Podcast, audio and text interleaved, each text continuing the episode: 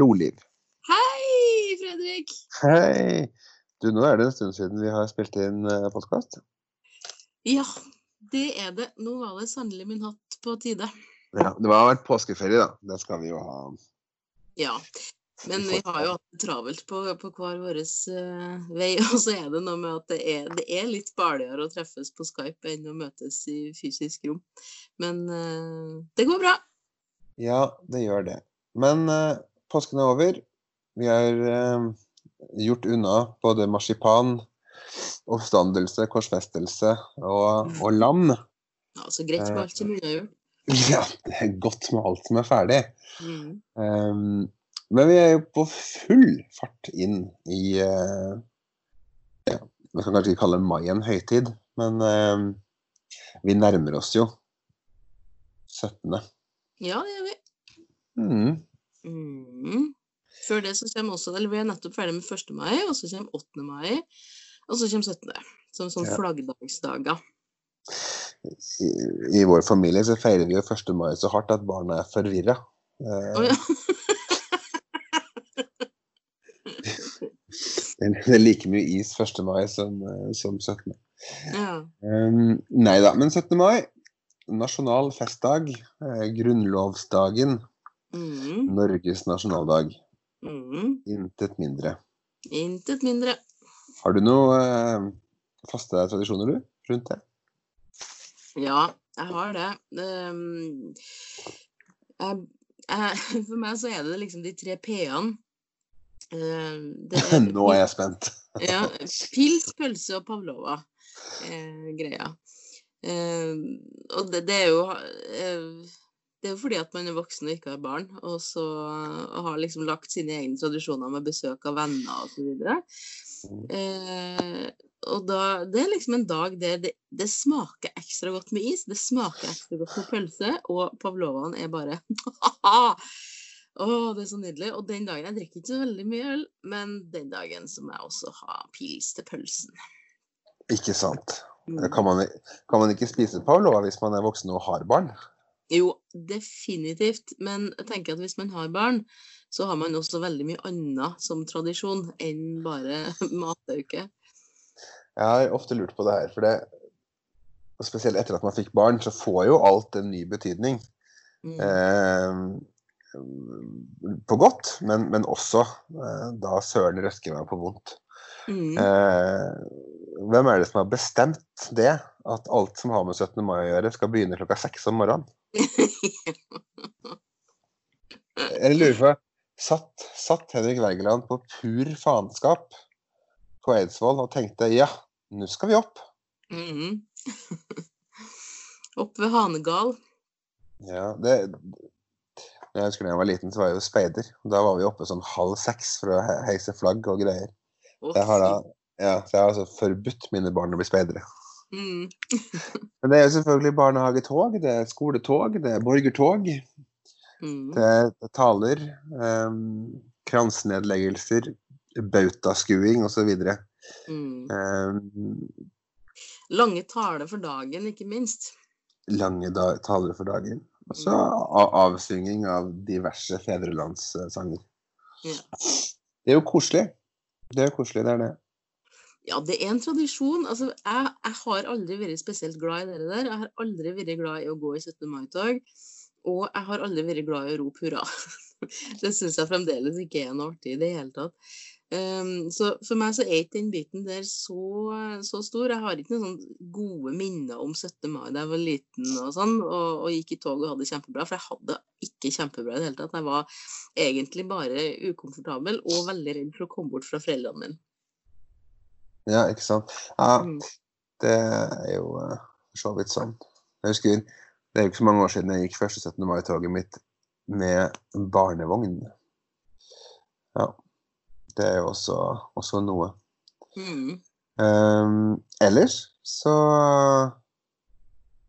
uh, Ellers så må jeg jo si at uh, jeg er jo forholdsvis glad i pomp og prakt. Det kan jeg jo innrømme. Det, ja. det er, og, og, det er jo en sånn perk med å sitte i uh, i, i, bystyret. Jeg får lov til å gå først i borgertoget.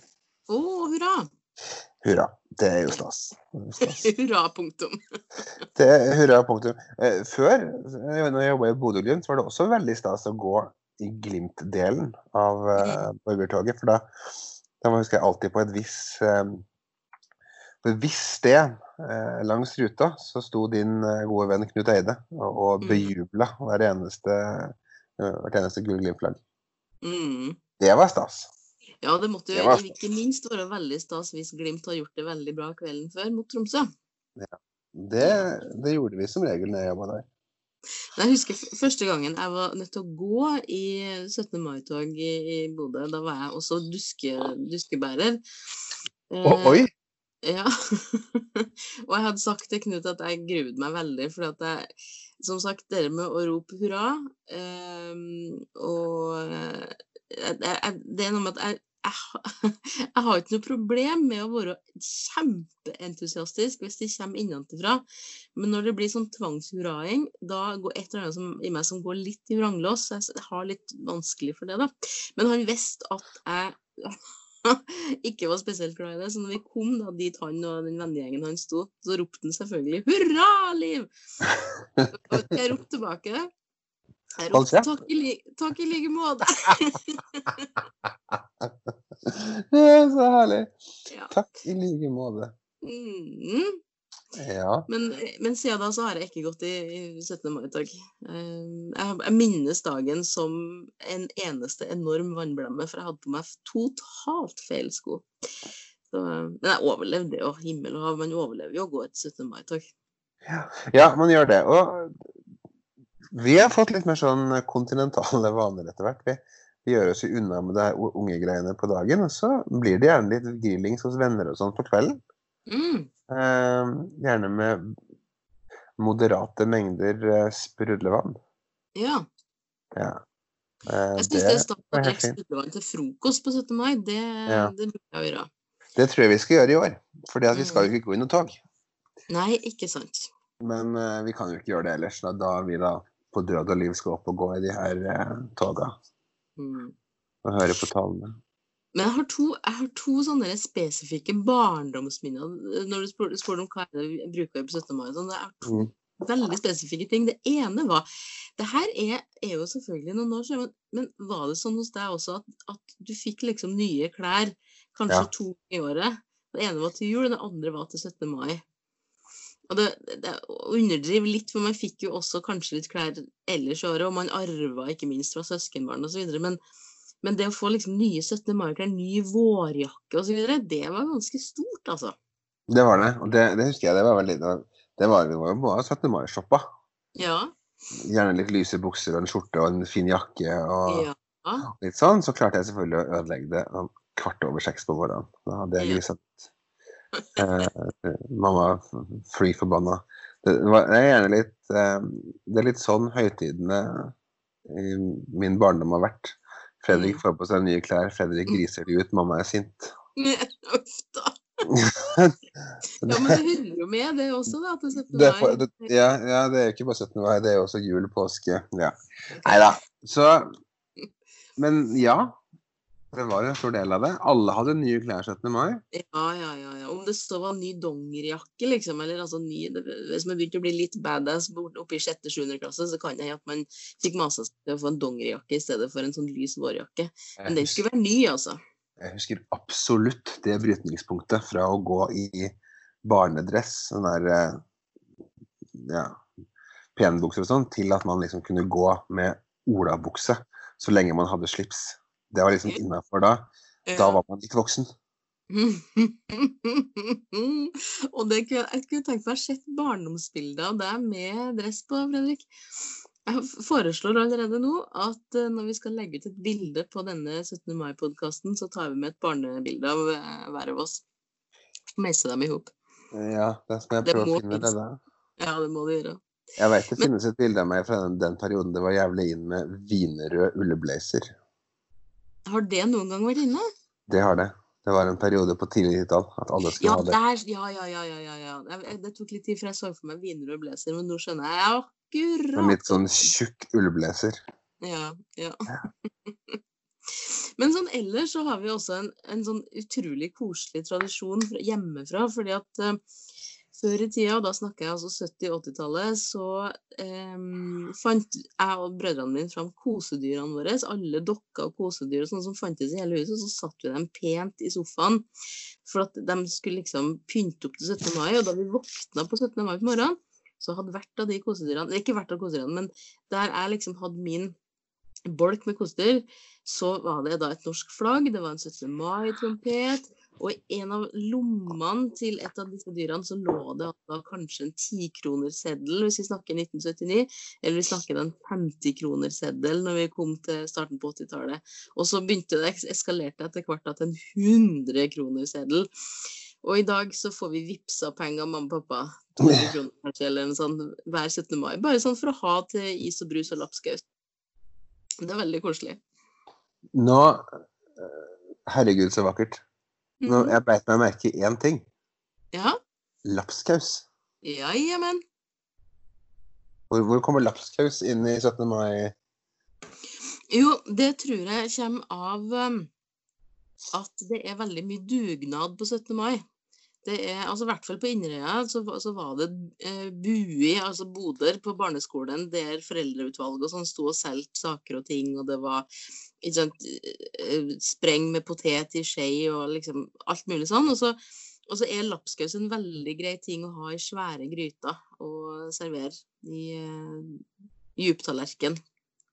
Pappdjuptallerken. Ja, det, jeg husker Vi hadde jo selvfølgelig også sånn eh, på Skotterud, der jeg kommer ifra. En liten Eidskog kommune på Hedmarken. Rundt 3000 innbyggere. Eh, der var det jo eh, også leker på, på skolen. Eh, jeg husker spesielt ett år det var bunadsparade. Oi! Ja, og så minnes jeg noen, jeg skal ikke si navn, noen som hadde på altfor liten herrebunad. Åh. det, det, det, det husker jeg så litt komisk ut. Um, men, men det er noe så. Men det gikk mest i kaker, altså. Kaker og pølser. Mm. Jeg, jeg, altså jeg forbinder Jeg er ikke sånn spesielt glad i sjokoladekake. Jeg tror det kommer fra 17. mai. De her skuffkakene med sånn glasur og sånn her flerfarga strøssel på er bare noe av det verste, noe av det verste jeg vet. Ja, å, så grusomt. det var jo så morsomt at det er noe av det verste du vet. Men Ja, men jeg, tropisk aroma ja, Nå må du gå faktisk an å, å, å skille på temaene. Det er ikke sånn at å, å, siden det er barn i en kyklingleir, så må jeg like tropisk aroma. Det er ikke sånn det henger sammen. Litt. Men det var så morsomt, for jeg så i blikket ditt når, når du sa at det var noe av det verste du vet, så så jeg at du mente det så veldig. Og det var bare så vittig. Det er virkelig noe av det verste du vet. Ja, men det er helt OK. Og så, Ja. eh, Vi må alltid ha kronis i fryseren. Det er veldig stas å kjøpe en sånn sixpack med fra Ja. Diplomis. Det gjør vi også. Må være ordentlig, da. Eh, nei, vi skal også bak Pavlova. Eh, Mm. Pav Pavlova. Pavlova. Ja. Pavlova. Jeg tror altså det, det, Den kommer jo fra Australia og New Zealand, og der sier de vel pavlova. Å gud, det var do veldig dårlig etterligna. Eh, men eh, jeg tror ikke de Ja. sier pavlova. De, de sier vel pavlova, ja. Med trykk på o-en. Men det er da virkelig en, en eh, altså Ballettdanseren er da russisk? Ja. Men allikevel så har det blitt en nasjonalrett nedi der. Blant annet fordi at eh, det opprinnelig skal være kiwi på. Og kiwifrukten er jo nasjonalfrukten nedi der. Ja, og den ble vel skapt i Australia til ære for. Det er vel sånn det henger sammen. Sikkert nok. Ja, det er, det er, er noe sånn, mener jeg å ha lest. Vi, vi snakker jo mye om kakeopphav i denne Det blir sånn, altså. Ja. Men jeg, jeg syns det er godt. Det er viktig at marengsen er seig, syns jeg. Noen vil ha den Mm. knasende sprø. Men det skal være en blanding, skal ikke det? Sprø utenpå og seig inni? Jo, jeg liker sånn seig, tyggbar eh, marengs. Ja. Eh, noen har bare krem på, andre har, noen har bare vaniljekrem. Her i huset har vi begge deler. ja, selvfølgelig har vi det. Ja, Ja.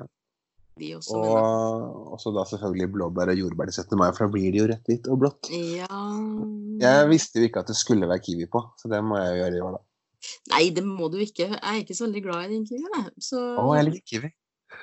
Men uh, pavlova finnes jo i, i, en milliard forskjellige varianter. Så, så, der er det bare lov til å klasje på hva man vil. Det er jo merengspotten og kremen som er det viktige. Også. Jeg har jo til og med spist pavlova med Smash på. Smash og peanøtter og sjokolade. Det var helt nydelig. Skal vi da enes om at det finnes en grunnpavlova, og da er det marengsen, vaniljekremen og kremen, og så kan man da etter det gå bananas hvis man vil? Ja, rett og slett. Ja, Det tror jeg de er enige om nede i Australia og New Zealand nå, faktisk. Ja. Men det, det, fantes jo ikke når vi var små. Det var ingen som hadde hørt om pavlova. Så det, det kom sånn en eller annen gang på 2000-tallet. Eh, og det er ikke sånn kjempemange år siden også, at det ble en, eh, en populær kake. Men, men, eh, jeg husker ikke når jeg smakte den første gang, men eh, det kan hende at det var noe sånn ti år siden eller noe sånt. Det ja.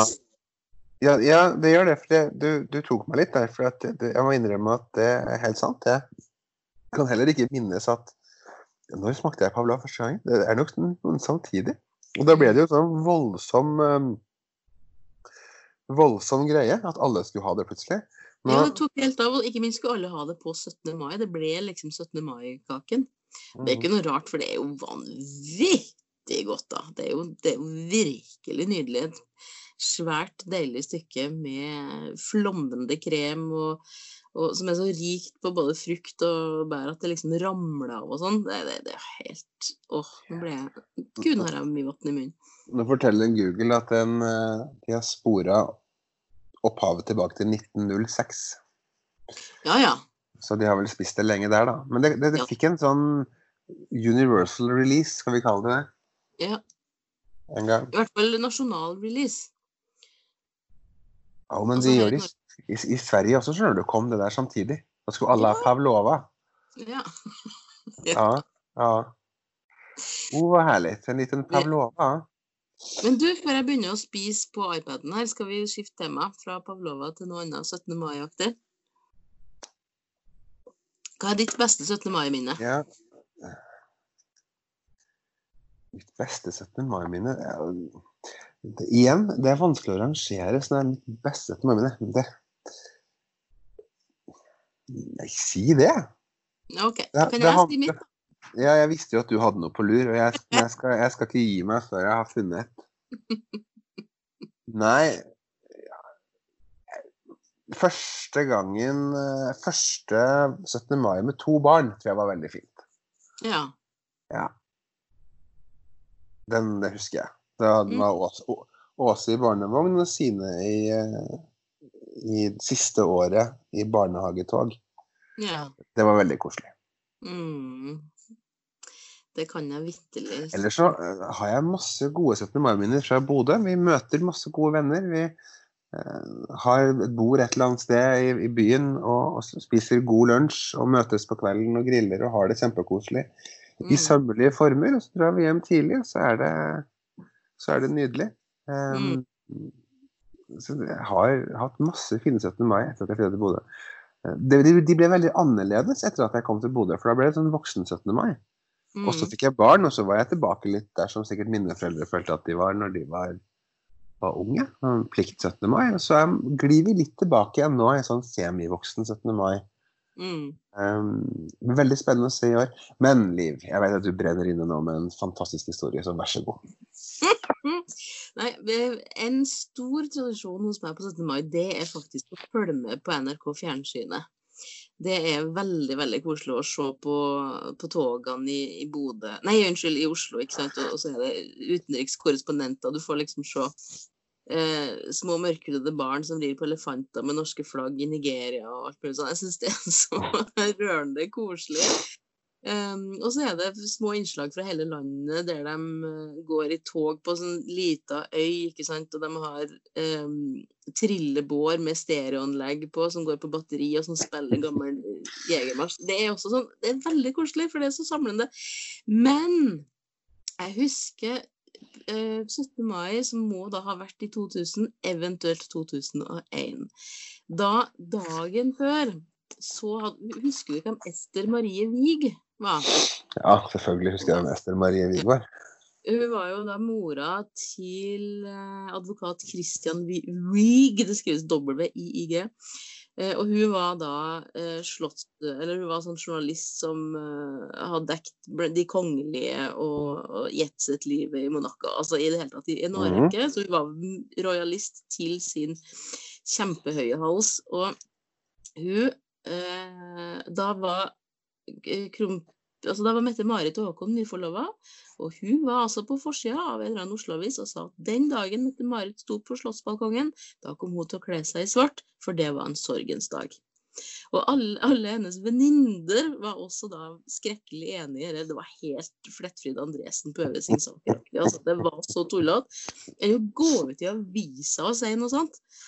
Eh, og Mette-Marit hadde jo fått har medfart nok fra før, eh, med folket som var litt splitta og delt osv. Men så, så kommer altså det gamle hespetreet på framsida av avisa og sier at nei, dette var så skrekkelig.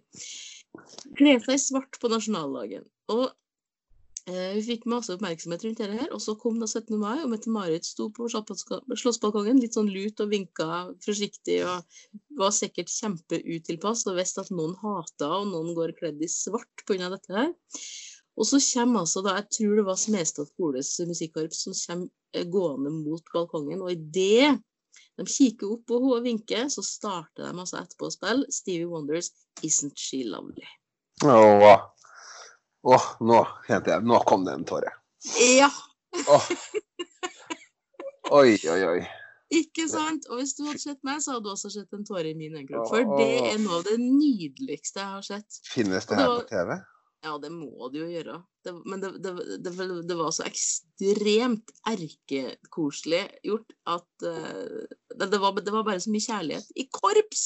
I musikkform! Isn't she lovely? Og, den, og, det, og det, den er jo groovy nok, ikke sant? Så bare det også, at det var en, en sånn funky groovy sak som ble spilt når de gikk under balkongen, var jo litt oppsiktsvekkende. Og så den som var en direkte hilsen til henne. Nei, det var praktfullt. Det Da var nydelig. Ja. Ja, og man blir alltid sånn um, interessert. Jeg, jeg, jeg tror jeg anser meg litt, som litt sånn semirojalist sjøl. Jeg syns det er veldig stas med, med de, Mm. de kongelige. Ja, men vi Det- elsker jo tradisjoner, først og fremst. Ja. Ja. Det, som, det som slår meg litt, er jo sånne da som godeste Ester Marie her, som, som da er såpass realist at hun gir blanke faen i at Men kongen sa det var greit. Og jeg tenker, hvis kongen sier det er greit, og du er Mm. så, så bør du vel kanskje jenke deg, eller? Ja, ja, ja. Klart. Og Så, og det var jo dette at hun var alenemor, da. Eh, Det var jo det som var greia. Ja. Gud bedre så skammelig. Ja, det sømma seg rett og slett ikke. Nei, ikke sant. Nei, det var Men det at kong Harald drev og daska på uh, fru Haraldsen i 20 år, det var helt greit. Ja, ja, det var jo en historie. Men hadde hun vært alenemor eller lefla litt med narkotiske stoffer i sin tid, så hadde vel ikke det vært aldeles Jeg, Ja, jeg, jeg, jeg har lurt litt på hvor voldsomt det der er. Mette-Marit fikk jo voldsom hard medfart. Altså, hun har jo bare vært på en eller to litt harde fester på Sørlandet og kom i skade for å ha seg litt. Jeg mener, kom igjen. Mm. Det går greit. Ja, det går greit. Ja. Men ellers så altså, sånn TV 17. mai er for meg ganske stort. Altså, jeg, jeg har en mattradisjon sånn frokostmessig på 17. mai, og det er at vi bestandig skal ha røkt laks. Gjerne eggerøre og deilige ferske rundstykker eller fra fryseren, da, sånn, men, men røkt laks er mye av greia. Um, og så smaker det også veldig godt til uh, boblevann. Men jeg tror det var to år siden så så jeg det, det som også er tradisjon med paraden oppover Karl Johan, det er jo garden.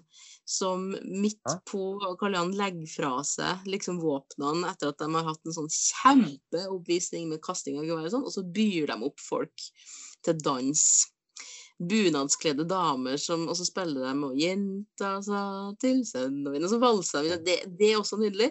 Og jeg tror det var i fjor eller i forrige fjor, så var det en gardist som bøy opp en mann! en bunadskledd mann! Så dem to han dansa i lag, og det var så nydelig. Åh.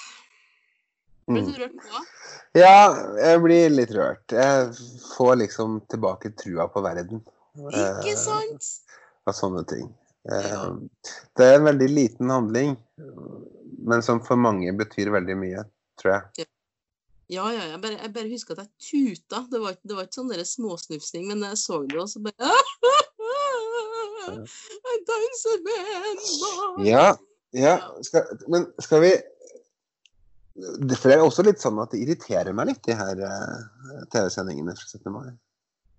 Det er en, altså Norges eneste Det er den eneste gangen på året vi er imperialister. Ja, hva, hva betyr det? Imperialist?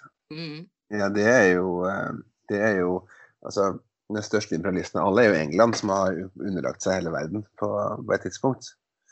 Eh, Det gjør vi også 17. mai. Da skal vi på død og liv dytte den NRK-mikrofonen opp i ansiktet på barn fra Thailand eller, eller uvitende ja, sånn imperialisme. Ja, OK. Eller, eller, eller, eller sånn.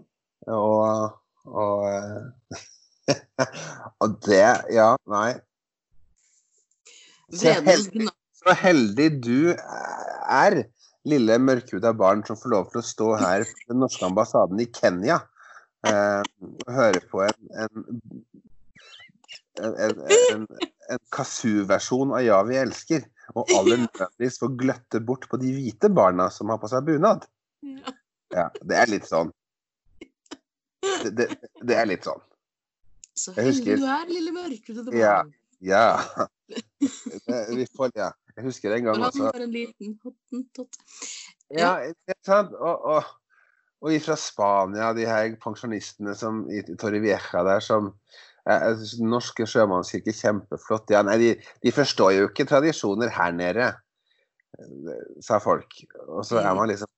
Så husker jeg en gang også, vi er litt sånn intern, altså alle, vi er imperialistiske i forskjellige, forskjellige fasonger. Jeg husker, husker det var fra sånn når NRK hopper fra sted til sted, sant? så var det innom Kautokeino, tror jeg, så var det sånn en samisk reporter som var sånn Ja, heia, jeg tror fin kofte du har. Hvor er den kofta fra? Mm. Så videre til neste. Ja, og så fin du har vært fin kofte, ja. Og neste. Og du har ikke kofte, nei. Og så gikk de videre. Men du har kofte. Så Åh. ble det her barnet uten kofte stående der, da. Ble ikke tilsnakka. Men akkurat, akkurat det der er faktisk også en god tradisjon for meg. Å skjemmes så jeg kjenner det i ryggmargen altså av, av journalister som fer bort til unger og spør liksom Ja, har, har du spist mye is i dag? Og så sier Ja. ungen ja. Ja, så, så du liker is? Ja. unger som bare svarer ja eller nei, eller ikke svarer i det hele tatt. Å, Det er så flaut. Det er jo en dag da Norge Rundt tar over NRK1, 2 og 3. Mm. Eller- Nå er det i ting. Det var en sånn nydelig sekvens for noen, for noen år siden der var en, en journalist som spurte et, et lite bunadskledd barn, var altså så skrekkelig søt, sto med is i handa, ikke sant, og så spurte hun hvor kommer du fra? Og så sier ungen fra Norge. Å ja, ikke sant. Men hvor er vi fra Norge? Så, nei, det ville jeg ikke ha svar på. Hun kom fra Norge. Ja, det er jo det. Er jo det. Og, og alle og, og de her Nei, vet du hva det, Jeg vet ikke, jeg, Liv, om det er så jævla koselig. Jo, det er sånn- det. Det er sånn, ja, men se der, ja! Ja, du har fått på deg bunaden. Ja, hvor lenge siden var det du ble adoptert til landet? 38 år siden, ja. Mm. For, er, er du norsk nå? Det er sånn, kom igjen. Det er jo VM i å trykke nasjonalismen. Altså Ja, nei. Samtidig, samtidig, det er én dag i året da vi går rundt og vifter med flagg. Og det er mm, Sett opp mot da The United States of America, der alle omtrent har flagg i hagen og på verandaen og på sin porch og på bilene rundt omkring. Det er den dagen vi vifter med flagget og er kjempestolte av å komme fra Norge. Ja, Jeg syns ikke at det er, kvalmende, jeg syns det er fint. Men hadde det vært oftere enn 6. mai, så hadde jeg syntes det vært noe stas i det hele tatt. Nå var det mer TV-sendinger som var litt Ja, nei da, du har jo selvfølgelig rett. Du har jo det. Men ja. Og så har vi den der evigvarende diskusjonen om, om, om andre nasjoners flagg i 17. mai-toget. Å, herre fred! Den er på tur nå også. Åh, Det er, vet, vet du hva det artige er? Men jeg må bare si, jeg tror Vredens Gnag eller noe sånt hadde en sak for en stund siden om at, uh, om at uh, jeg lurer på Tybring-Gjedde, som var kjempeglad for at i år var det ikke en diskusjon om andre flagg i 17. mai-toget. Fordi at det ikke ble noe 17. mai-tog. At det var verdt det. Ja, ja. Det skal, skal, jo sant sies da, Liv, at det har egentlig aldri vært noen stor diskusjon om andre flagg enn det norske i, i 17. mai-toget. Dette er jo en skapt diskusjon som egentlig ja, aldri, har vært, som aldri har vært reell. Ja, det er det, så, så. Jeg tror det stammer tilbake til én eh, multinasjonal skole som, eh, som, skulle markere det i ett, et ett 17. mai-tog en gang, og hadde ja. lagd flagg sjøl. Ja. Det må da for faen være greit. Ja, jeg slår til med et for helvete. Og så er det så artig å se på alle de her idiotene som deler på Facebook. Det heter ikke internasjonal dag, det heter Norges nasjonaldag. Nei, det gjør ikke det, det heter grunnlovsdagen. Mm. Eh. ja. ja alle de, alle de, som poster altså på Facebook sånn der, dette, dette, I 17. mai er jeg stolt av å gå med det norske flagget! ikke sant, og norske med stor N og så videre. ja. Lik og del hvis du er enig. Jeg, jeg, det er også, jeg har ikke så veldig mange venner som deler sånn. Ja. Nei da, det har for så vidt ikke jeg heller. Det er fordi man har renska det ut etter hvert. Eh, det er noe jævlig lite raust over det å skulle lage et problem av at barn på sju-åtte år som har kommet, kommet, til Norge fra et eller annet land, ikke skal få lov til å, å holde et annet flagg. Ja, det, altså hva gjør det? Hva ja, sånn, nå, skal jeg, nå, skal jeg, faktisk ta et lite kraftsalve. Nå måtte Tybring-Gjedde reise til helvete. Ja, oi. men jeg er så enig. Oi, oi. Ja. Nå kjenner jeg ble provosert, skjønner du. Nå følte jeg at vi var litt uh, Tusvik og Tønne akkurat nå. men, ja. men, altså, ja, å, å, å, gå ut med sånt en gang i året, det er jo, det er jo, det er jo ja, også tradisjon, faktisk. Uh, at det kommer en eller annen sånn greie. Nå kan de slappe litt av i år, da. Men åh, de der stygge, stygge, forferdelige Facebook-sidene. Uh, med dem som heter 'Norge vårt fedreland' og 'Mellom bakkar og berg' osv. Å, fy fader, det, det, det mørke nettet, føler jeg. Det er en sjelden gang jeg er innom og, og smugser. Skrekkelig gøy.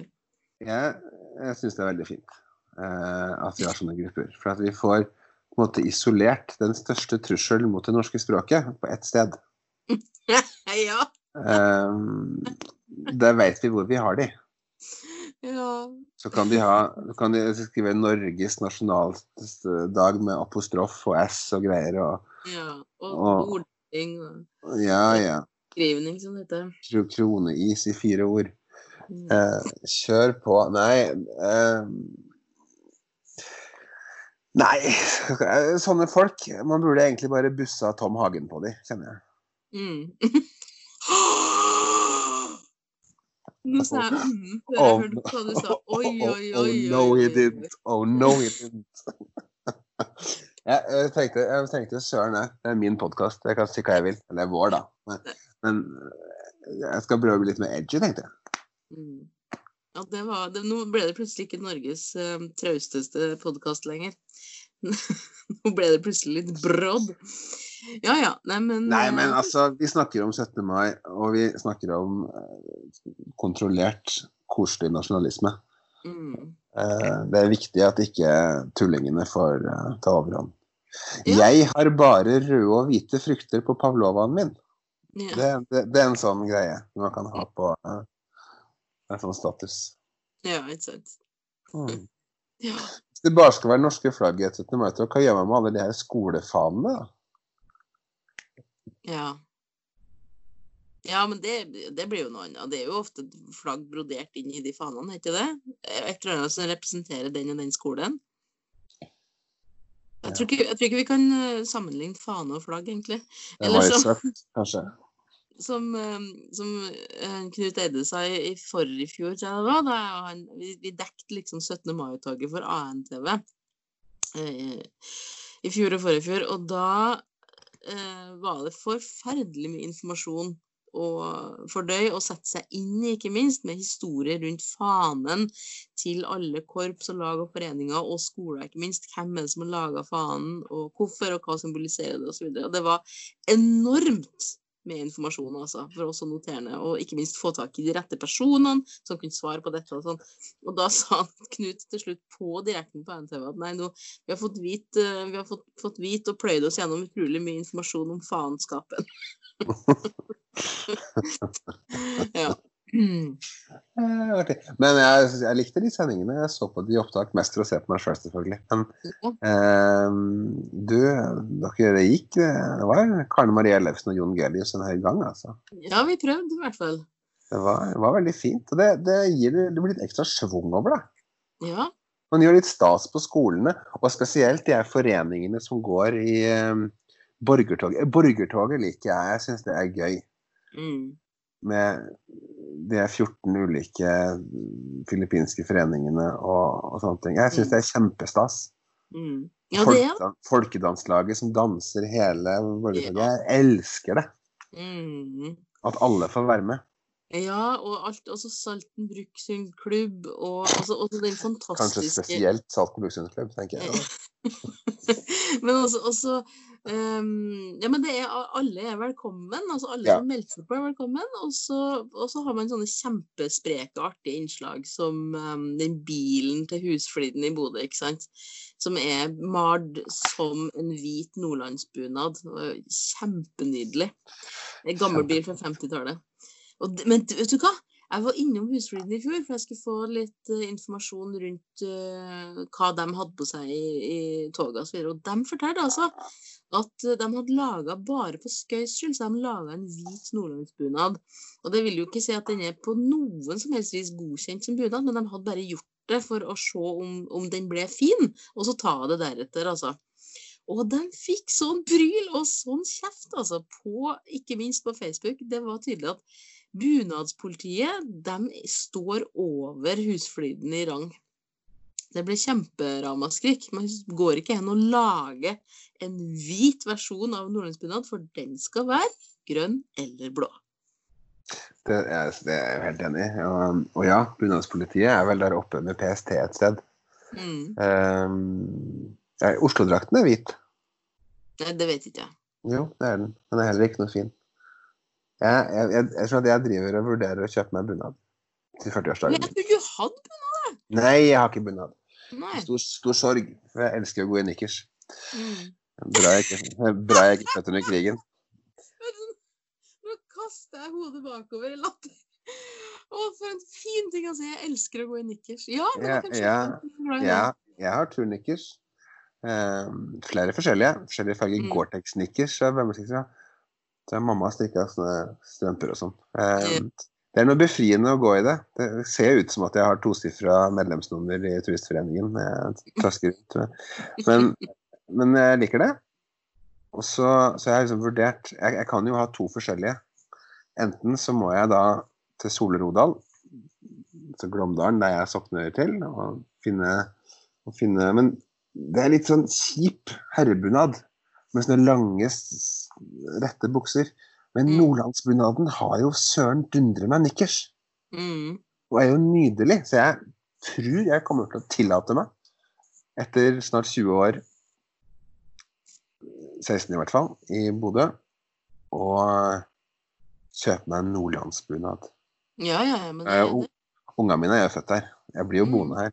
Ja, ja, ja. Men uh, altså Jeg verdt i sin tid nordlandsbunad. Altså, da jeg skulle konfirmere, så skulle jeg få bunad av foreldrene mine. Og jeg brukte lang, lang tid på å bestemme hvilken, for jeg følte så sterk tilhørighet, tilhørighet til Nordland. I og med at uh, halve slekta mi var herifra, og jeg var fryktelig glad i Bodø osv. Men jeg følte jo også sterk tilhørighet til Trøndelag, så det var liksom de toene det sto imellom, da. Rød trønderbunad eller blå nordlandsbunad. Og vet du hva? Jeg valgte blå nordlandsbunad fordi at det sto så bra til de blå innfatningene på brillene mine. En pragmatisk tilnærming til uh, bunadsvalg, det liker jeg. At det går an. Ja, men her, vi snakker 1990, altså. Og det var um, Da hadde man svære, svære briller med farger i innfatninga. Men er det Er det to farger på Nordlands herrebunad også? Nei, det vet du, jeg, jeg, jeg, klarer ikke helt å huske på hvordan den ser ut. For jeg tenker for meg hele tida den manneutgaven av trønderbunaden som har eh, topplue. Rød topplue. Det er, to, det er to versjoner der. En med sånn skikkelig dress og flosshatt og vest og Mm. praktfullt, og så er det en som Ja. er litt mer sånn bondesønn. Eller litt er mer Askeladden. Det er vesten du kan ha forskjellige farger på, selvfølgelig. Den er kjempestilig, den landsbunaden for herre. Mm. Eh, absolutt. Så det blir nok det. Blir Men så kult, da. Ja. Da er det bare å begynne å spare. Jeg vet ikke hvor mye det koster for en sånn bunad for tida, men det, vi, er vi vel ikke oppe i 30 000-40 000? Det tror jeg nok. Mm Så, så ser jeg det, jeg måtte jo google. Jeg gjaug, for det finnes faktisk en versjon av Solør Odal med nikkers også. Men, men eh, ja, nei. Det blir nordlands. Det blir jo det. Mm. Hvorfor ikke? Nei, Ja. så det Ja, det, det, det Jeg er glad for det. Jeg syns jo Mm. bunad er nydelig. Og det er jeg veldig enig i. At uh, nordlandsbunaden er verdens vakreste bunad. Mm. Ja, den er fin. Har du noe forhold til Sverigedrekten? Hva kalte du det? Sverigedrekten. Nei, Bra. hva er det? Det er helt jævlig. Men jeg vet ikke, snakker vi Nei. mat, snakker vi drikke, snakker vi TV? Snakker nei, nei, nei, nei, nei. vi snakker Sverigedrakten. Å ja, drakten! Jeg tror Ja, det sa er jo Sveriges desperate forsøk til å gjøre noe ut av eh, gjøre, gjøre noe ut av, eh, av nasjonaldagen sin, så har de jo da på et eller annet tidspunkt på 70-tallet begynt å lage sånn her Sverigedrakt, som- som liksom-bunad, for det har man jo ikke i Mm. Sverige. Så vi at alle går rundt og ser ut som de er med i en eller annen pornofilm fra 1970-tallet. Oi, Ja. Um, det er jo koselig, det, altså. Men, men, men det blir liksom ikke noe schwung over det. Altså Ja, men snakker vi sånn tysk bierstube-aktig Ja, Å, ja. nesten. nesten. Okay, Ja. Bare at det, det er vel gult skjørt, tror jeg. Ja. ja, nei, det, da skal vi google etterpå når vi er ferdig. Ja. Nei, altså det vi har, Jeg føler at nasjonaldag, det har vi fått til. Check. Ja, det nailer vi i Norge. Vi gjør det, altså. Vi Ja, gjør det. Og uansett om det er litt sånn småpinlige, kleine greier på, på, på dagtid med sendingene fra Oslo rundt omkring hele landet, og fra hele verden, så, så er det noe koselig og noe samlende om det også. Ja, det er jo det. Vi ser jo alltid på opptak når vi kommer hjem fra alle de toga vi går i. Eh, det jeg savner, det som man kanskje skulle tilført, det er jo en, en, en rett. Noe alle spiste. Altså Med jula så er det ribba på NRK time for time. Mm. Enn om det var noe sånt på 17. mai. Da spiser alle det her. Men det gjør vi jo. Alle spiser jo minst én pølse på 17. mai og en is. Ja, Men du kan jo ikke trekke pølser minutt for minutt. Nei. Eller jo, du kan Du kan det. Sånn ti- minutters, kvarters eh, Men um, skal du si at det er jævlig mange som ikke evner å koke jævla pølse heller, da. Eller trekke, som er det korrekte man skal gjøre. Ja, da skal det. Man skal koke opp vannet, ha i buljongen, la vannet stoppe å koke, ta deg av plata, ha i pølsene. Ferdig. Å ja, du bruker buljong i det? Selvfølgelig bruker jeg buljong. Ja, Trekker du pølser uten buljong? Ja, ja, ja. Å, herregud. Men, men det er én ting. Men nå skal jeg sjokkere deg virkelig. Jeg trekker jo også grillpølser. Ja, det her, du sjokkerer meg ikke, men det er helt forkastelig. Ja, men jeg forstår ikke. Altså, det har vært en sånn evig tradisjon. Eh, Kokte grillpølser er like godt som stekte grillpølser. Jeg forstår ikke den vanvittige aversjonen søringer har mot det. Skal jeg forklare deg hvorfor? Jeg vet for at det heter grillpølser, og for at de Nei. er litt sånn Ja, De er ikke lagd, de de, de er ikke lagd for det. Det er pølser uten skinn. De trekker til seg vann. Mm, Wienerpølser derimot har skinn og blir varme og spenstige. mm. Du, skal jeg fortelle deg en artig historie? Vær så god. Når jeg var 22 år, skulle jeg frelse verden. Det vil si, da fikk jeg jobb i eh, fotballklubben Bodø-Glimt som arrangementssjef. Ja. Det første jeg satte meg fore, det var å kaste ut de kokte grillpølsene og bytte det ut med wiener. Jaha. Jeg var så tett på å bli kjeppjaga hjem til slaget. Du aner ikke. Jeg hadde jo ikke skjønt det her, jeg. At folk Nei. skulle ha kokte, kokte grillpølser. Nei. Nei. Jeg tenkte jo nå, å ja, selvfølgelig, endelig skal dere få wiener. Ja. Ja. Nei, nei, det blir ikke det samme i det hele tatt. Nei. Nei, jeg er også, også veldig glad i wienerpølse, men, men eh, altså, kokte grillpølser har vært det var det man fikk som premie på skirenn i de riktig, riktig gamle dager da jeg var med. Det var liksom Det kunne være sånn Skulle vi kose oss en lørdagskveld, for eksempel foran fjernsynet, og se på 'Dette er ditt liv', så kunne det gjerne være kokte, kokte grillpølser. Altså. Men vi tenkte aldri over at det het grillpølse. Det var liksom bare pølse. Det var sånn det skulle være. Uff, nei, jeg, jeg, det her syns jeg er helt forferdelig. Mm. Eh, Hva er verst av eh, kokt grillpølse og skuffkakesjokoladekake med tutti frutti-strømpa? Gud bedre. Hvis jeg kom i en bursdag hvor det kun var de her to tingene servert Mm. åh. Nei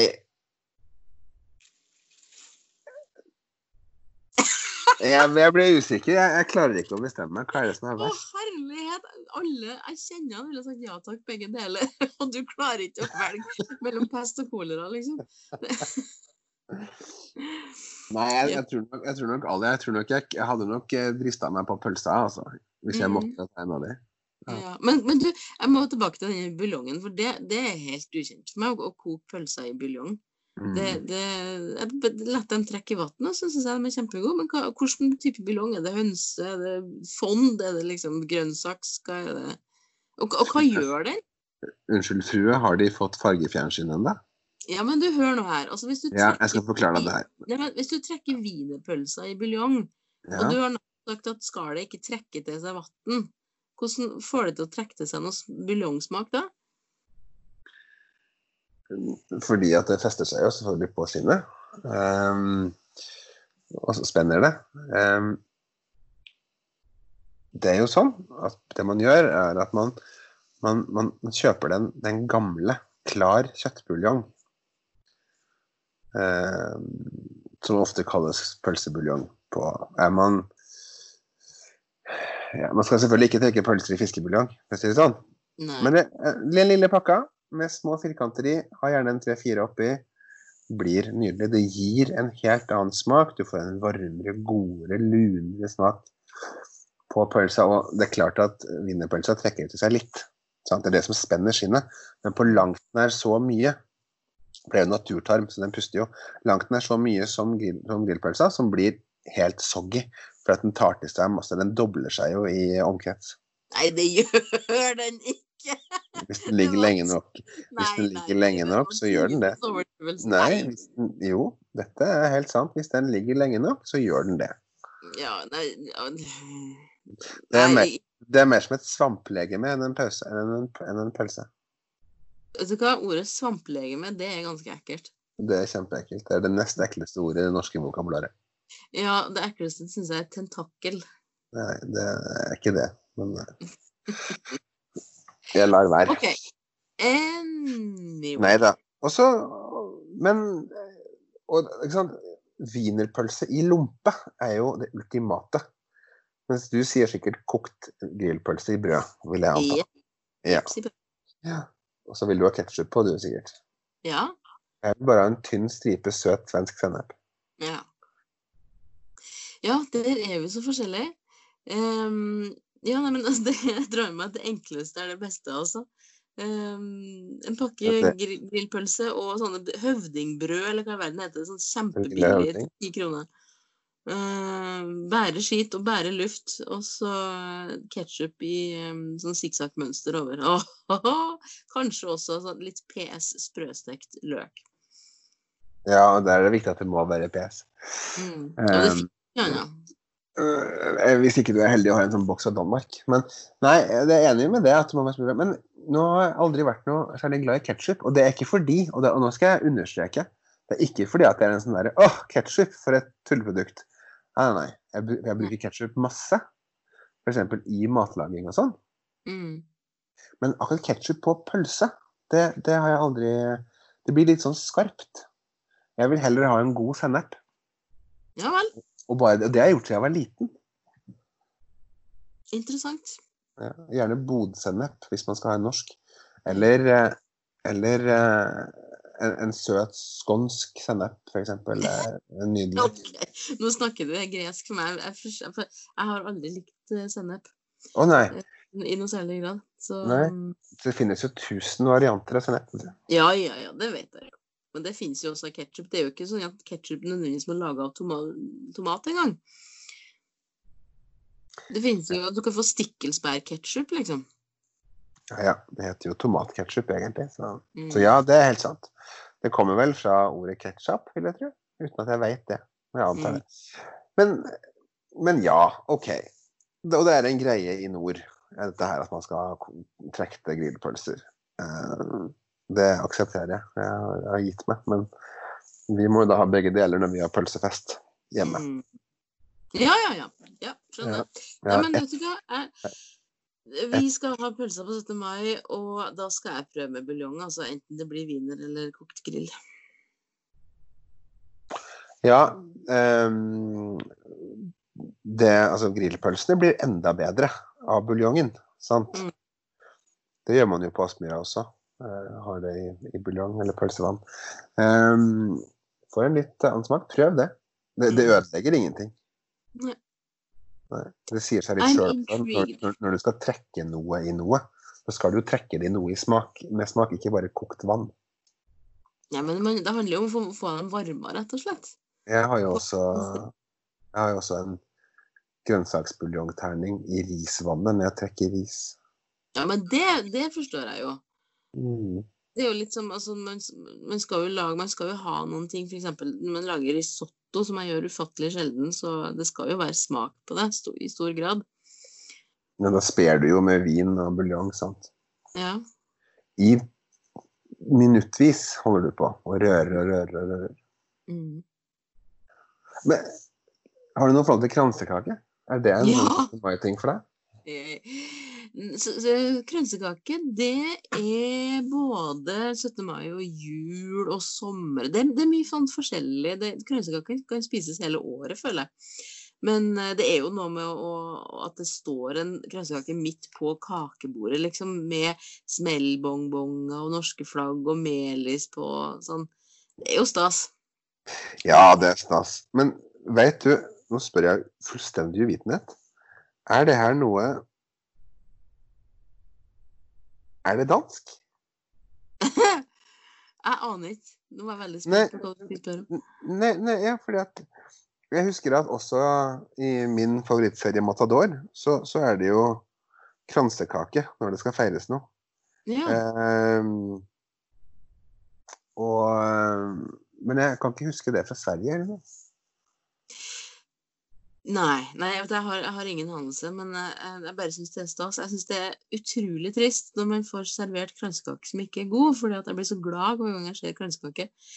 Og så finnes det da sånn noen som bare rett og slett ikke er god, som bare er rar og seig og, og uten god kransekakesmak. Og ja, jeg blir litt lei meg, rett og slett, når det ikke, når det ikke det innfris, den forventninga. Mens en skikkelig god kransekake, hjemmelaga gjerne, eh, der konsistensen er perfekt og smaken er vidunderlig, åh, da, da koser jeg meg, altså. Litt krisp på utsida, myk og seig inni. Ja. God um, God uh, melis på. Mm. Og en litt sånn kjip vits, kjenner jeg. Ja, ja, skal være helt forferdelig. vits. Vet du at det fins altså en person i Norge som er ansatt for å skrive kransekakevitser? Ansatt for å lage mest mulig dårlige vitser. Og hun fikk jobben fordi hun på jobbintervjuet måtte bevise at hun hadde forferdelig dårlig humor. Og dette er ikke, det er ikke, det er ikke, det er ikke tull, altså.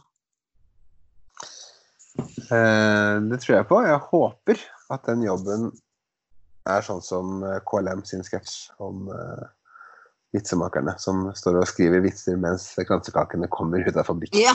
ja.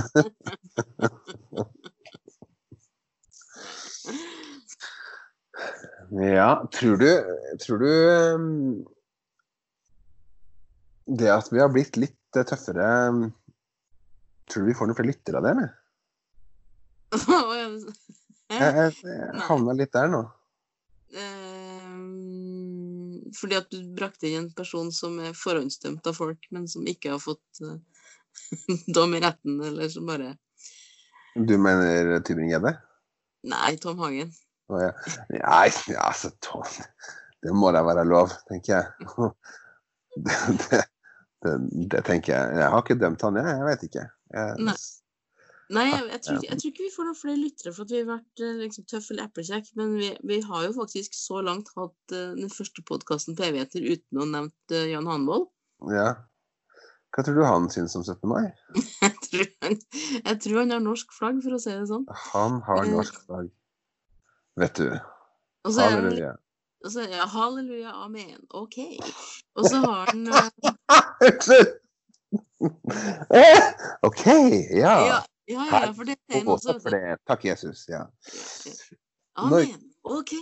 Men han han er sur på det. Jeg, jeg, jeg driver jo og stalker han um, på Facebook, og han er, er ikke i spesielt godt humør, fordi at disse stalinistene som um, styrer media, de har jo gått etter den, og han er nødt til å betale, eller Visjon Norge er nødt til å betale 250 000 i bot fordi at de har reklamert for naturmiddel som stopper virus og sånn. Stalinister, faktisk. Ja, stalinistene. Tenker han da på Resett, eller? er det? Nei, han tenker vel på meg og deg. Oh, ja. Og alle ja, andre. å, ja! Yes! Nå blir jeg glad. Ja, Fariser og stalinist. ja, ja. ja. Og Ja. han, han, han, han skrev faktisk, eller var det, en, av det han eller hans tilhengere som, som beskrev eh, fariseerne i NRK eller et eller annet sånt. Gud, det er morsomt, altså. Det er ganske artig. Jeg, jeg ser for meg en møte mellom Jan Hannevold og Jesus. Eller hvordan det hadde fortona seg. Fy, oi, oi, oi. Ja, eller som jeg tror vi har vært innom faktisk en gang før. Hvis Jesus kom tilbake, hvis Jesus kom tilbake til jorda, og ops, der er Jesus. Hva tror dere han har sagt om han da hadde sett kors? Hadde han da blitt glad for å ha sett et kors? Det som pina han til døde? Direkte spørsmål til Listhaug, som har kors rundt hersen. Hva tror du Jesus hadde på? Jeg tror ikke han syntes det var noe stas. Ja. Ja, altså, hva skjedde med fisken, folkens? Fisken. Du vet det tegnet vi hadde. Fisken. Mm. Ja. Nei, det kan du si. Eh, kan du si. Og gå rundt i alle, alle husa sine eh, og se at han sjøl henger der i en slags dokke eller karikatur. Nei, jeg vet ikke. Dette kjenner jeg Jeg skal ikke mene så mye om det. Um, jeg skal ikke det. Det eneste jeg er sikker på, er at han kommer til å gi Jan Halvold en god dose juling. Ja. Om ikke fysisk, så vel verbalt. Nei, vet du hva, jeg tror ikke han klarer å besinne seg. Det blir fysisk. okay. Det blir bitch-slapping der, altså. Ja. Ja, jeg tror det. Han, Jan Hanvold har jo sagt det et uh, Han sa det på Visjon Norge en gang, jeg så et klipp der sa han at det var altså så trist med, med, med den der feminine Jesus-versjonen som ble fremstilt i, på, i kirka rundt omkring ellers. For at prestene står der og sier sånn Kjære alle sammen, da er vi samlet her. Å nei, å nei, så fælt og trist. Dette hadde jo ingenting med Jesus å gjøre. For Jesus, han var en kriger. Han var en tøffing. For dere vet Jan Hanvold. Å, fy fader, for en Oi, nå skal jeg si et uh, kjønnsorgan under hesten. Men ja, fy fader. Altså, han gikk, han gikk jo ut i Getsemane for å kline med Judas, så så eh, maskulin kan han jo ikke være.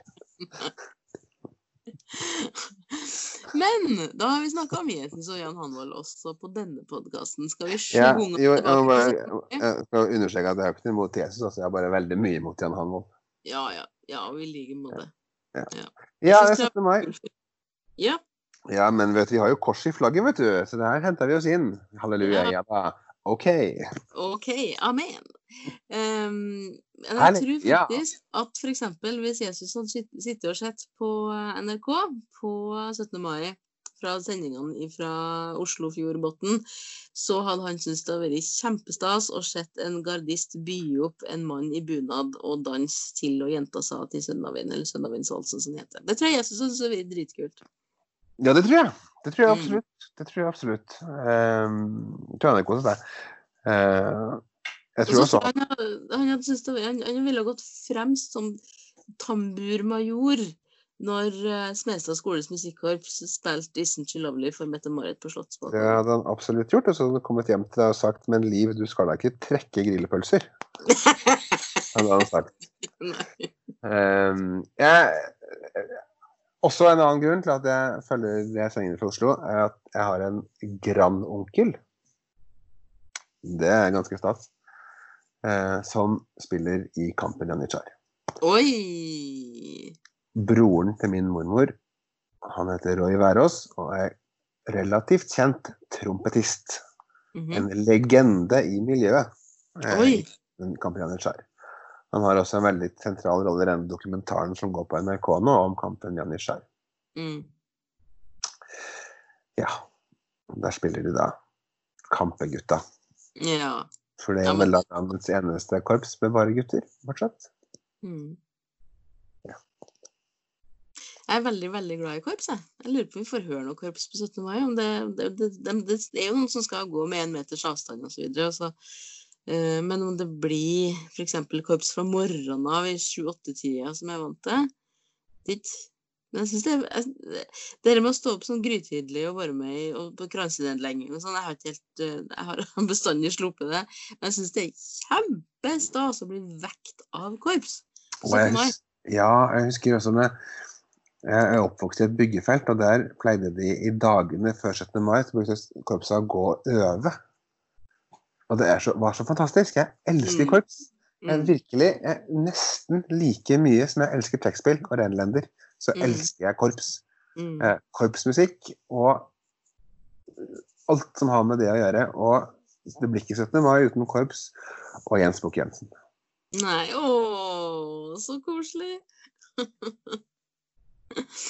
Eh, Ja. Når han dundrer til med Norge rødt, hvitt og blått, så ja. Det er jo sånn Da jeg kommer ifra, så kommer jo svenskene kjørende over grensa for å se på 17. mai. mm, For de har jo ikke 17. mai hjemme. nei. En liten sjekk i, i kalenderen kan jo motbevise det, eh, for det har de jo virkelig. Men eh, Mm. Nei, men alle svenske flaggene er 6. juni, er det ikke det? jo. Ja, det er ikke det helt store. Eller de, de prøver så godt de kan, men de har, liksom ikke, de har det ikke i ryggmargen. Nei, altså Den er jo seint innstifta. Det er vel ikke en, en det ble, vel ikke fridag engang før sent på 90-tallet. Nei, å, OK. Så det, det, er, det er ikke eh, Man må forstå litt uh, Man må forstå litt forskjellen på norsk og svensk historie for, for å Ja. hvorfor ikke. Og det, det handler jo om at når Norge endelig fikk sin egen grunnlov eh, 1814, så hadde jo Sverige underlagt seg dæven røsk søkke meg hele Baltikum og Tyskland, nesten. Mm, Og vært en enorm stormakt Mm, um, i Europa gjennom uh, Gustav 2. Adolf og Karl 12. og sånn. Um, så de, ha, de har ikke det forholdet til sin egen nasjonalstat, for det ble jo de allerede når Gustav Vasa samla Sverige. Og fra den dagen så har det på en måte vært Sverige og svær og kjempeviktig, både handels- og krigsnasjon mm. eh, i europeisk historie. Du får ikke den forløsende gleden. Nei, nei, nei. nei. Der har man jo på det feira kongens bursdag og sånne ting i stedet. Mm. Derfor er det sånn. Eh, og det er ikke så rart, egentlig. Nei, nei, nei. Det er ikke det. Er ikke det. Og derfor kan man også forstå den her, eh, den her eh, gleden som Norge har da Når man da har vært svensk, man har vært norsk, og så får man endelig da lov til å være eget. Nå skal jeg rette på meg sjøl, for det svenske flaggernes dag den ble innført ved lov i 1982. Det ble eh, kongelig saluttdag i 1996. Og offentlig høytidsdag først i 2005. OK. Akkurat. Men det, det vi har fått til i Norge, altså mye, mye takket være f.eks. sånne folk som Wergeland, det er jo dette med at dette skal være barnas dag. Og det at det er barnetog som er det store, og små barn som vifter med flagg og roper hurra osv. Vi har jo ingen militærparader. Vi har jo ikke det, det er ikke anlegg for sånt. Det, det skal være barnas dag. Det skal ikke være våpen i toget, bortsett fra, fra selvfølgelig gardistene som kaster våpen, men som gjør det på kunstferdig vis. Men, Men de skyter jo også. Ja, ja, men det er noe med løsskrutt. Og, det, det, um, og det, er jo, det er jo sånn som folk syns er kjempestas, men det er ikke noe, det er ikke noe sånn skrekkelig med det. Se, se hvor mange våpen vi har. Se på denne enorme Raketten. Ja, f.eks. kjør gjennom altså, Det går, går ikke an å sammenligne Norge med Nord-Korea, men allikevel. Det vi viser oss fram med, det er glede, rett og slett. Jeg tror Jan Hannevold er uenig med deg. Han tror, han tror uh, Norge og Nord-Korea er samme alen. Ja, jeg tror faktisk det. Ja, du har, har, helt rett. Og det er, det er det med gleden. Eh, og med barna, og med skolene. Mm. Og med isen og pølsene, eh, som, som, er vakkert. Um, en liten popquiz. Det, det, er jo er ikke uvanlig at det er barnetog også 1. mai. Men nå er det bare to steder i Norge igjen som gjør det. Oi! Vet du hvilken? Jeg tipper den ene må være Sulis. Sulitjelma. ene er Sulis. Den andre er Skotterud. Nei, det er Hummelvik eh, i Trøndelag. Hummelvik, ja selvfølgelig. Der ja. um, godeste han som var statsminister under krigen, han um, Nygaardsvold kom fra. Ja. ja. Akkurat, ja. Stas. Ja. Men barnetog 17. mai er det overalt. Mm. Selv på oljeplattformene får vi jo med oss når vi um, ser på NRK, kanskje ikke barnetog, men tog i hvert fall. Mm. Eh, vi kommer til å grille 17. mai. Come hell or high water, for å si det sånn. Okay. Eh, uansett vær. Har du noen grilltips? Absolutt ikke. Jeg har ikke grill. Hæ? Nei. Jeg blir litt småmobba av barna mine, fordi at nå er det grilling hver dag uansett. Passerer 1. mai, da grilles det. Ja vel, ja. ja. Nei, altså nei. Vi, vi, bor så tett. Vi har, vi har ikke tak over verandaen. Altså det, det er liksom Nei. Det, og ikke har vi noe spesielt hage der det Nei, vi har ikke grill. Men vi, vi burde jo fått oss en liten en, for det er jo kjempestas. Um, grilling er liksom noe spesielt. Stor en. Jo større grill du har, jo mer trygt og sikkert er det. I tette ja. ja det er helt sant. Ja, det har Men Sånne uansett, små, vaglete kulegriller er livsfarlig. Ja, de, ja, nei, jeg tenkte ikke på de. Dem, dem, dem får man dem, De kan ikke ha dem på veranda. Det må man jo ha på gress, må man ikke det? Eller i fjæra, eller noe sånt. Vi har betongveranda, så jeg har min eh, relativt svære Weber kulegrill på,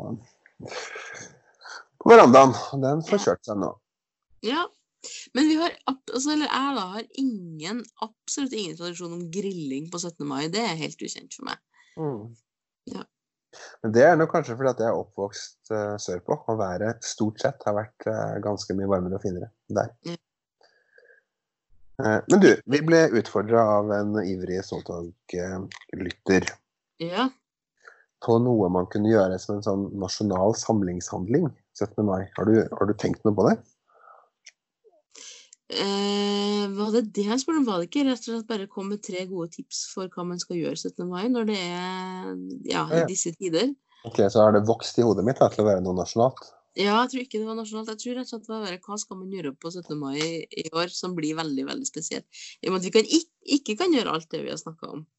Ja. Uh, jeg, og, for meg så blir det jo litt sånn Jeg, jeg starta med å si pølse, pils og pavlova, og det står jeg for. Det står du for. Mm. Jeg skulle komme på én ting til på P som går på 17. mai, men, men uh, uh, Nei, jeg kan ikke komme på noe i anstendighetens navn, i hvert fall. Nei, jeg skal være litt omtrentlig. Uh. Bruk dagen godt, tenker jeg. Dekk et godt frokostbord. For, nyt. Prøv å snu det til noe positivt. Nyt det at vi har litt bedre tid denne 17. mai enn ellers. Du slipper å stå i kø for å kjøpe for å kjøpe um, heliumballong av uh, Pikkepus. Det er selvfølgelig aldri Mikke Mus, for det, det, er jo ikke lov. Det er jo spin-off. Til 250 kroner av en rumener. Du slipper å stå i kø for å få din tilmålte time på en smekkfuglrestaurant. Du kan sitte hjemme, dekke deg en god frokost. Du kan rydde bort den. Du kan forberede 17. mai-middagen bake kake, ta med barna i bakinga. Eh, de som ikke har barn, kan kanskje låne noen. Nei, men bare bruk tida godt. Mm. Ja, og vær sammen. Uh, se på TV. Hør ja. på radio. Ja, altså, så er det Jeg hadde villet samla folk eh, hvis eh, det da hadde vært en familierelasjon med, med smått og stort, så hadde jeg villet samla foran TV-en, eh, f.eks. sånn etter, altså på ettermiddagen når man er litt eh, Ja, når man har gått litt oppi hverandre lenge og så videre, og, og har vært ut kanskje og sett litt, og det begynner å bli naturlig å sette seg ned, hva med da å se Flåklypa Grand Prix? Det er en film som er så samlende for hele familien. Alle har lyst til å se den, og alle syns det er stas. Vil jeg tro, i hvert fall. Og så er det ikke minst ganske så nasjonalromantisk på selveste 17. mai. Ser man ikke den i jula? Nei, jeg syns ikke det er en utprega julefilm for meg. Det, det, er noen Men jeg tror også de har blitt ah, ja. sendt på 17. mai på NRK også. Er det et av TV 2 sine futile forsøk på å lage juletradisjoner? Sånn som når de prøvde å vise Tante Pose? Jeg vet ikke. Ja, mulig. Mulig, mulig. Men du, hvordan er reglene nå? 17. mai. Hva kan vi gjøre, hva kan vi ikke gjøre? Vi kan ikke gå i tog. Men vi kan samles inntil fem personer, er det fortsatt det, eller kan vi være flere nå? Nei, det er 50 personer hvis det er et arrangement med, altså, med en Ansvarlig arrangør. Ja. ja. Eh, og så kan man samles familien og sånn, men, men maks fem, ja. Og så er det det med hvis man ikke er i familie, så bør det være én meter mellom og så vask hendene godt og alt det der. Dette må jo være drepen for de i swingersmiljøet. ja. Det slo meg nå. Ja. Oh, by the way, jeg tror det var i forgårs eller i går at um, Nå er jeg spent. Det var den, det var den dagen um, La det svinge vant i uh, Göteborg i 1985. Det tror jeg var 3. mai 1985. Ikke sant. I år så blir det jo ikke noe Ja, I år så blir det jo ingen Grand Prix. Nei. Men, det, men jeg syns det er veldig artig å følge med på adresse i Europa likevel. Fordi at eh, det Hva er nesten bedre enn Grand Prix? Jo, det er god gammel Grand Prix. Det med den fantastiske gjensynsgleden over gamle slagere. Jeg klarer ikke å sitte i ro. Jeg må ut på gulvet. Jeg kan dansetrinnene, og jeg kan finske refreng. Og, nei, det er så gøy, altså. Og slagere man ikke husker. Jeg, ja. så her, jeg, så jo her, om dagen på det gamle klippet fra Finland. Mm. Bom Bom. Ja, ja, ja. Det, det, ja. det er jo makeløst. Og så uh, syns jeg juryen gjør så bra. Jeg syns Ingeborg Heldal er kjempegod i en sånn uh, sammensetning. Um, for hun, hun, ble jo kjent Apropos bare sånn tilbake til Slottet. Ble ikke hun kjent da i sin tid Bill Clinton var på besøk i Norge, og så sto utafor Slottet med sin skoleklasse. Og så gikk han bort og prata med hun, og så var hun litt lik Monica Lewinsky. Og så havna hun da på forsiden av alle verdens aviser som Norges Lewinsky. Og så tok det av, og nå er jeg blitt redaktør i KK. Sånn, sånn blir du kjendis i Norge. Ja. Det Det er det den første kjendis av den typen. Nå skal det jo sies da at nå har jo Ingeborg Heldal gjort seg fortjent til de her uh, rollene sine i ettertid. Altså jeg har vært redaktør ja, ja. i, i Norske L også, mener jeg. Um, så det er, noe, det er, ikke noe, kritikk mot Ingeborg Heldal. Nei da. Uh, er men, jeg syns hun gjør seg veldig bra i dette. Ja, ja, ja. Absolutt. absolutt. Og Jan Thomas er også bare helt nydelig. Og Per Synnes og hun um, Bendik og Ja, nei, jeg syns de um, det, det, er et godt og variert sammensatt panel. Så, Men før så måtte man jo være TV-solfrid for å bli kjendis. Ja. Men ja, og så må man, må man i Se og Hør og snakke ut om den vonde tiden. Jeg er jo vokst opp i Se og Hør sin Cowboy Laila-æra. Ja. Jeg kan jo alt om uh, Cowboy Laila. Mm. Jeg gift med Per Jan. Gift med Per Johan, stemmer det. Ja. Jeg husker det mest legendariske det legendariske intervjuet med Kobalella var når hun hadde glemt en spiral i 15 år og måtte opereres. Dette ble, dette ble unnskyld uttrykket, bretta ut i Se og Hør. Ja. Um, men sånn var det. Etter hvert ble også Per Sola Lønning Se og Hør-kjendis fra en pub eh, i Playa del Nuevo Estocolmo, eller uh, hva det måtte være. Men tenk da, da Cowboy-Laila og Sven O. Høiby sto på forsida av Se og Hør og sa 'vi er bare gode venner'. Mm.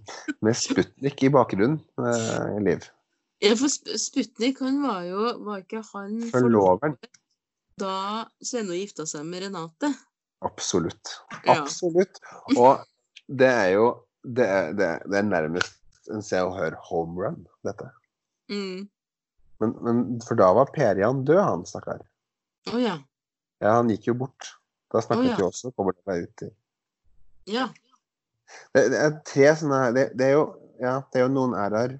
Det er jo selvfølgelig Kobler-æraen, og så har du jo eh, Svenno-æraen. Husker jeg også at det fantes en liten Marit Christensen-æra i Se og Hør? Ja da, ja da. For hun var jo hun drev og gifta seg og mista noen smykker og Ja, ja, ja. Elfad, ja. Det er så tullete. Jeg, har, jeg, har, jeg, jeg leser ikke Se og Hør, jeg tar omtrent ikke i det ildtang, men allikevel så vet jeg at hun var, var gift med Elfad. Og noen smykkegreier, ja. Og ja, det var ikke ah, nei, jeg, jeg skammer meg ikke. Jeg, jeg, jeg sluker Se og Hør rått hvis jeg kommer over det. Ja, nei, jeg Eh, skammer meg ikke, det er ikke det. det jeg, jeg syns det er så lite interessant. Men jeg, jeg digger Tydeligvis ikke, si det sånn. Nei, men altså, det er, det, jeg tror det kommer fra den tida der man la Søkerbladet og virkelig slukte det som sto der. For nå så sitter vi jo i, stedet og bare scroller, og ting går oss litt sånn hus forbi, og det er den og den kjendisen, og bla, bla, bla. bla, bla. Mens på den tida så var, var det sånn at hvis man da hadde et ukeblad, så kunne det da ligge i ukevis og månedsvis under stuebordet. Sammen med andre avisene, da, og man fant fram det og bladde i det på nytt igjen og på nytt igjen. Det, det gjorde man. Jeg, jeg leser jo aller helst gamle på hytta og sånn. Mm. Ja, det er jo det som er gøy. Og Da blir det gjerne mye Solfrid Rødlien Saue. Mm. Jeg kan aldri huske at jeg har sett henne på TV noen gang. Som TV. jo da. Jeg husker henne godt som TV-solskjell. Gjør det. Og så husker jeg bryllupet med Harald Mæhle, og så husker jeg skilsmissen, og så Ja, husker- Nå skal jeg faktisk korrigere meg sjøl med en gang, for det finnes et, eh, det finnes et, eh, et fjernsynskjøkkenprogram der TV-Solfrid er gjest, for TV-Solfrid ga ut en kokebok. Ja. Hun var jo bl.a. kjempegod på smalehovet, for hun kom jo fra Voss. Jeg tror hun var god på mye rart, jeg, TV-Solfrid. Mm. Mm. Eh, hun har vel også blitt kunstner. Eh, det var vel også ganske mye Anita Hegeland. Ja da. Ja, jammen. Eh, for de som lurer på hvorfor vi nå snakker om det her og ikke 17. mai, så er det at temaet er jo nasjonalikoner. Eh, ja.